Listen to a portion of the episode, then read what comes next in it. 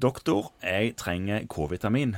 Ja. Det, det var det en som uh, sa til meg. Man spiser rottegift, da. Ja, ja. Ikke sant? Nei, men det, det var ikke sånn. Det var ikke det. Var ikke det. det var K2. Oh. Ja, må vite. Ja. For det sto der i et eller annet blad at det trengte man. Ja.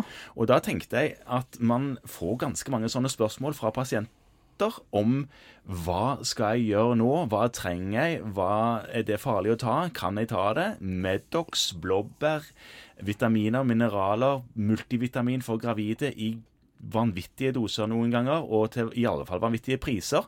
Og Steinar, du som er med oss eh, fortsatt her i studio, legen som en sånn en hva skal si, helserådgiver, nesten som en sånn eh, veivalgs... Altså en bidragsyter til å velge riktig til alle sånne ting som pasienten kommer med. Der kan du vel si en del? Ja, der har jeg lyst til å si en del. Jeg tenker at for mange så er fastlegen kanskje den beste helsepartneren. Den beste rådgiveren. Ja. Fordi at eh, fastlegene har en god grunnutdanning og ofte et nøkternt syn.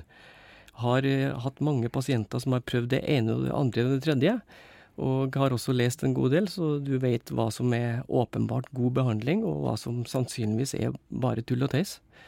Og man utsettes jo for eh, et kjøpepress, eh, ikke sant. Og, og hvem skal man eh, spørre til råds? Ja, for pasienten kommer jo med utklipp fra Aftenposten, altså disse medisinske tidsskriftene fra Akersgata, og så kommer de med, eh, kommer de med det som eh, leserinnlegg i Alders og Se og Hør, og hva de heter, alle disse tingene som, eh, som ligger rundt omkring, som ingen leser, men alle har lest, på en måte. Så kommer de med det. Og hva, hva skal en si? For det, det er ikke nødvendigvis sånn at vi vet nøyaktig om de skal ta disse multivitaminene eller ei. Nei, det gjemmer meg også vanskelig, for uh, her er også med intoleranse, ikke sant. Altså om du tåler og ikke tåler ting. Og jammen meg er det vanskelig å finne ut av. Ja. Så man skal jo heller ikke være så skråsikker. Men det er jo noen som tror at eh, hvis eh, du har en vitamin som er livsviktig, så blir det bedre jo mer du tar. Ja, ja. Ja. Eksempel C-vitamin. Ja, nettopp. Og for så vidt A- og D-vitamin. Men det vi vet som leger, er jo at det er ofte konkurrerende opptaksmekanismer her, her i tarmen. Eh, Sånn at hvis du eh, pøser på med ett stoff, så kan det hende at du faktisk får for lite av et annet stoff. Ja. Og da kan det jo faktisk gjøre vondt verre. Ja, ikke sant? Du sitter jo og jobber med Hunt-data, Mhm. og dere så noen sånne trender for litt siden, minnes jeg, om akkurat dette? Ja da, det ble gjort en studie på om eh, trantilskudd eh, økte beinmassen. da. Ja, og- det var det. Ja, Og reduserte risikoen for brudd. Og så viste det seg at den gjorde ikke det, og det var jo litt rart funn. Men så viste det seg at i tran så ble det tilsatt eh, A-vitamin en periode, for at eh, A-vitamin eh, er jo bra. Ja. Eh, Men eh, så konkurrerer altså A- og D-vitamin om opptak i tarmen, og så ble det for lite D-vitamin. Altså trana hadde ikke den effekten vi ønska. Så, så det betydde altså at det var masse D-vitamin i tranen, men den D-vitaminen endte ikke opp inni pasienten? Nettopp. Sånn at, Eller i hvert fall eh, ikke i blodomløpet til pasienten? Ja, det er riktig. Og det, det er jo en del sånne Og det er helt sikkert flere sånne kunnskap som vi kan finne til. Ja, for, for det tenker jeg at det man kanskje har sagt, er at de kommer med et eller annet sånn der obskurt tilskudd som du knapt nok har hørt om og aldri har sett, med en eller annen anbefaling av, av heftig karakter, sånn som Morten har gått gjennom. Og så sier man at det er sikkert i hvert fall ikke så farlig. Men det du sier nå, at det, det kan være farlig. ja, jammen meg ta. Jeg tror at man skal være forsiktig med å pøse inn i kroppen eh, noen utvalgte eh, stoffer. ikke Ja. sant? Ut ifra på en måte en god idé eller en reklame. Jeg tror at eh, vi bedre kan anbefale folk å spise mat. Ja, altså vanlig mat, du. Ja, for det, Variert kost. Ja, ja. Ja. Og, og midt oppi dette, da, da skal vi gjøre det litt vondt og vanskelig, så er det sånn at nå har vi jo noen grupper som også da har et veldig spesielt kosthold. Får stadig flere veganere på listen. Mm.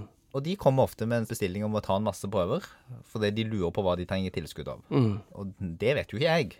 Nei. Hva, har du noe råd til hva vi gjør da?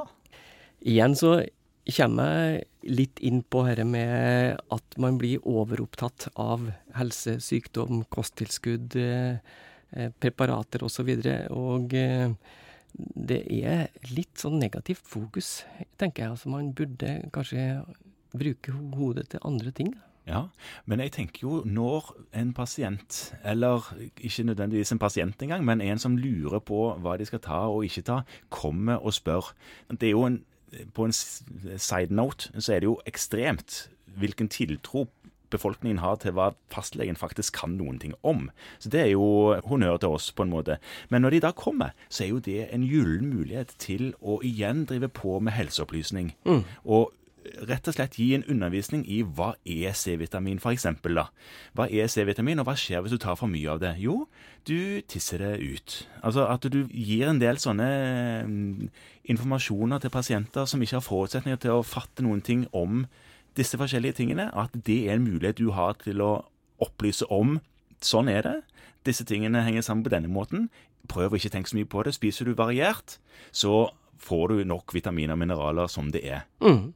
Og myndighetene har jo gang på gang eh, som regel konkludert med at det kanskje er D-vitamin vi nordmenn trenger, eh, som har lite sol. Så det er vel egentlig det kostholdsrådet som har stått seg over tid, da. Så det kan jo være et godt råd. Så har vi jo selvfølgelig noen spesielle grupper, og kanskje også gamle, som spiser veldig lite. Og da blir jo egentlig variert kosthold enda viktigere. For dem kan ha ganske skjevt skeivt kosthold og monotont kosthold. Og, og noen av dem kan kanskje trenge noen vitamintilskudd. Men for folk flest så tror jeg et godt variert kosthold er det beste rådet. Mm.